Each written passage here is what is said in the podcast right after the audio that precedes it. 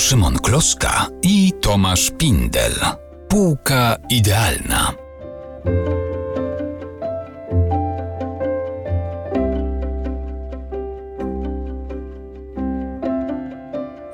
Ten pan to w ogóle powinien mieć własną półeczkę, taką elegancką.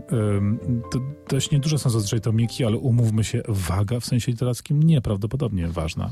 Ciężka. Tak, niedużo tych książek jest rzeczywiście, y, natomiast wszystkie znaleźć się na półce powinny, zarówno jego wiersze, jak i jego eseje, jak i jego absolutnie wszystko. Natomiast pierwsze na tej półce, pierwsze z brzegu, najbardziej dostępne, najlepiej w różnych e, wersjach, żeby się e, nie pogubiły, m, powinny być opowiadania. Autor nazywa się Jorge Luis Borges i jego opowiadania rzeczywiście są fenomenalne, cieszą się powodzeniem absolutnie wszędzie. Ja w ogóle I nie wiem, czy towarzyszy- słowo powodzenie jest dobrym słowem, Szymon, wiesz, bo to jest coś więcej niż powodzenie, ponieważ tak on jest czytany, wydawany i tak dalej, ale wpływ Borgesa w ogóle na literaturę i kulturę y, i myśl filozoficzną chociażby XX wieku jest po prostu gigantyczny. No, gdybyśmy nagrobili taką mapę wpływów literackich, myślę, że Borges byłby absolutnie w tej niewielkiej grupce najpotężniejszych pisarzy XX stulecia. Bardzo, e, bardzo być może, że tak jest. E, Ja mam wrażenie, e, ja mam wrażenie, że to się nasila. Że Borges nie dość tego, że był wpływowy, to on jeszcze ciągle e, jest czytany i wpływowy pozostaje. Właśnie jego a więc obok Alefa najbardziej klasyczny wybór, zbiór opowiadań, przepraszam, ukazuje się nakładem e, Państwowego Instytutu Wydawniczego w tłumaczeniu Andrzeja Sobola-Jurczykowskiego i i Stanisława Zembrzuskiego. Czyli klasycznym tłumaczeniu. Więc jeżeli ktoś nie ma z Państwa tego właśnie zbioru, to należy natychmiast pognać do księgarni, bo właśnie to nowe wydanie tam już się powinno pokazywać. A my tymczasem opowiadamy o tych opowiadaniach, które, no właśnie, które czytać należy cały czas i bez przerwy.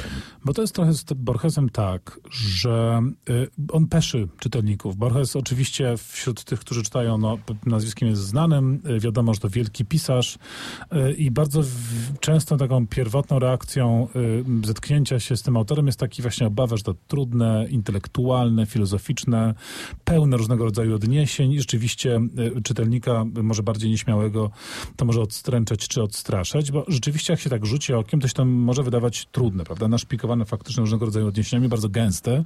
Tu nie ma żadnej takiej waty, e, waty słownej.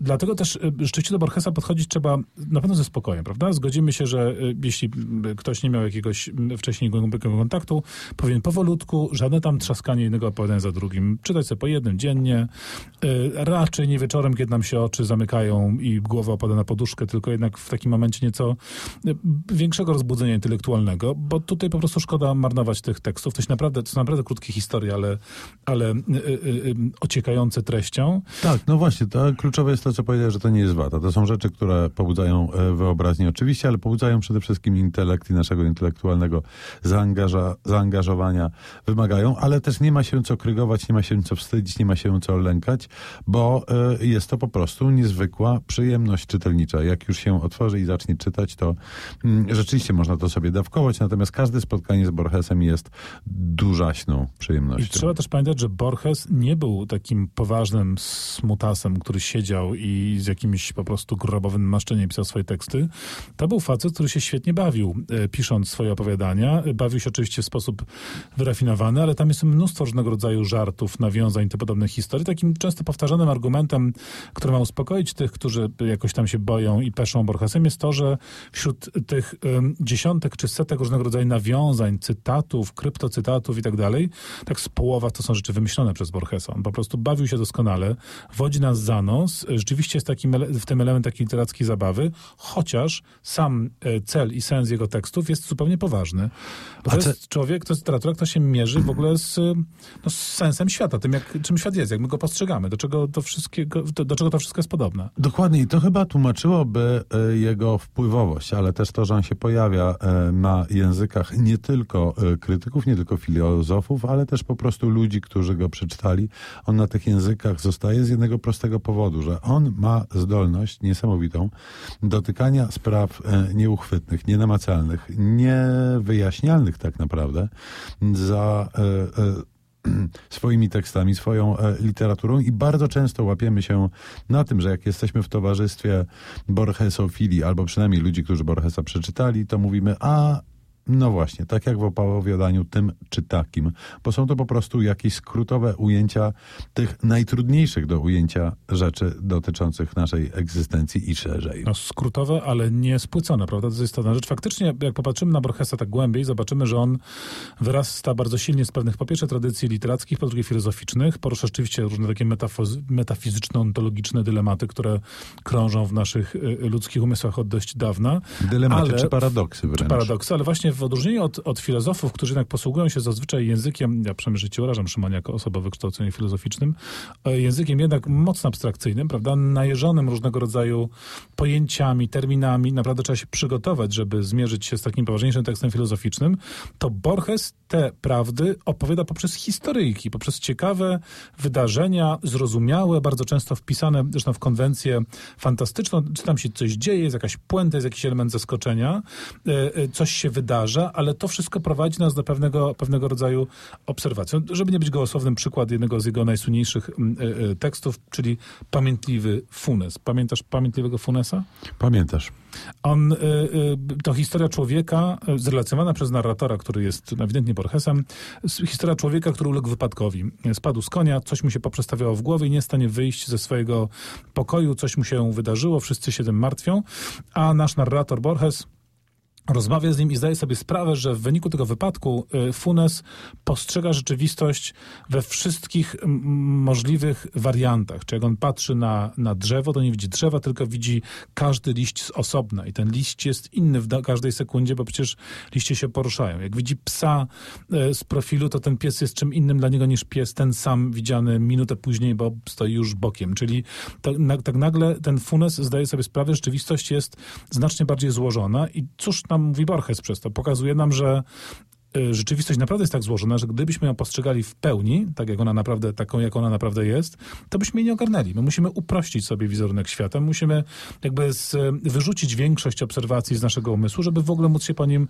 poruszać. Czytaj, jeśli patrzymy na świat i go rozumiemy, to, to znaczy, że go właśnie nie rozumiemy. Znaczy poruszanie się w świecie jest możliwe tylko dlatego, że go nie, po, nie pojmujemy w tej całej swojej złożoności. I tym chyba cechuje się wielka literatura w ogóle, e, tym, że mówi o nas, e, używając e, chociażby takiego funesa, tak? Czyli opowiadając o, opowiadając historię faceta, który widzi i postrzega wszystko, tak naprawdę czytamy o sobie, którzy wiemy tak niewiele i tylko w wycinku rzeczywistości się poruszamy. I to skrótowy, dlatego użyłem tego słowa, rzeczywiście jest na skrótowy i chyba najlepszy sposób dotarcia na pewnych rzeczy, które nas prze które nas przerastają swoją e, fizyczną wielkością bądź e, matematyczną nieskończonością. No i też to, co jest atrakcyjne, co, o czym trochę wspominaliśmy wcześniej, to to, że e, Borges lubił literaturę gatunkową. Jest taki słynny jego wstęp do powieści jego przyjaciela Adolfa Casaresa, w którym on mówi o tym, że literatura dzieje się na takie dwa, dwie duże grupy. Czyli z jednej strony literatura psychologiczna, w której każdy bełkot jest możliwy i wymyślane są różne przedziwne sytuacje mentalne. I literatura, jak on to mówi, przygodowa, która rządzi się fabułą, jest zorganizowana skonstruowana, skonstruowana, dynamiczna i precyzyjna, żadnego tam pitulitu, tylko konkret. Oczywiście, jak Borges mówi o przygotowej literaturze, to nie ma na myśli tego, co my byśmy pod tym pojęciem do końca rozumieli, ale fabuła rzeczywiście jest e, kluczowa, jest, e, jest bardzo ważna.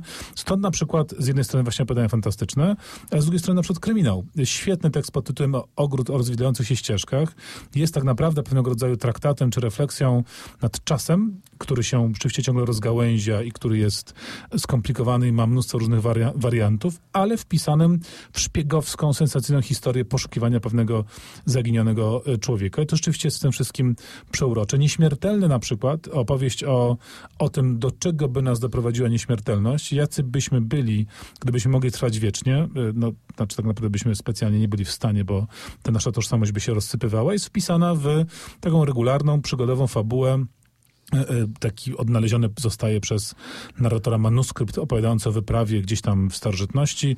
Dzieje się przygody, ale przy okazji wynika z tego coś, e, coś naprawdę głębokiego. To, to sprawia, że znaczy, to na pewno tłumaczy ten, ten sukces Borgesa. To, owszem, to nadal nie jest literatura super łatwa, ale jednak przystępna, która jednak w taki przyjemny sposób nam się, nam się udostępnia i otwiera. Ja sobie tak pomyślałem, że jeżeli rację ma e, Jacek Dukaj i inni jemu podobni, że oto kończy się era e, pisma, zaczyna era postpiśmienna, w której rządzić będą przekazy kulturowe mm, anarracyjne, pozbawione, pozbawione właśnie e, fabuły i skoncentrowane na bezpośrednim transferze przeżyć, emocji itd., itd., e, to ktoś taki jak Borges będzie postrzegany zupełnie inaczej, a jednocześnie będzie jednym z najwyższych wykwitów właśnie tego, e, czym była e, era piśmiennicza, czyli takiego myślenia przyczynowo-skutkowego, takiego myślenia, mm, e, takiego myślenia zdominowanego przez abstrakcyjne symbole, jakimi koniec końców jest alfabet czy matematyka. I niezależnie od tego, czy tak się stanie, czy tak się nie stanie, oby się nie stało, mm, Borgesa czytać będziemy z ciekawością. Powiedz, że się nie stanie, bo jak ludzkość, ludzkością, człowiek człowiekiem, tośmy sobie opowiadali różne, różnego rodzaju historie, czy to w jaskini przy ognisku, czy to poprzez literaturę, więc ja tu byłbym spokojny i również spokojny jestem o losy Borgesa. I jednym słowem, proszę sobie te, przynajmniej na początek, te dwa tomiki, fikcję i Alefa, postawić na półce, na idealnej półce. Borges musi się znaleźć. Fikcję i y, Alef to jest dobre wprowadzenie. Czytamy powolutku, stopniowo, teksta tekstem i wracamy do tego. Ja przyznam, że tak naprawdę mm, zacząłem się rozkoszować Borgesem chyba przy trzeciej lekturze, yy, i, ale kolejne następują w kolejnych latach i tam naprawdę jest czego szukać wciąż.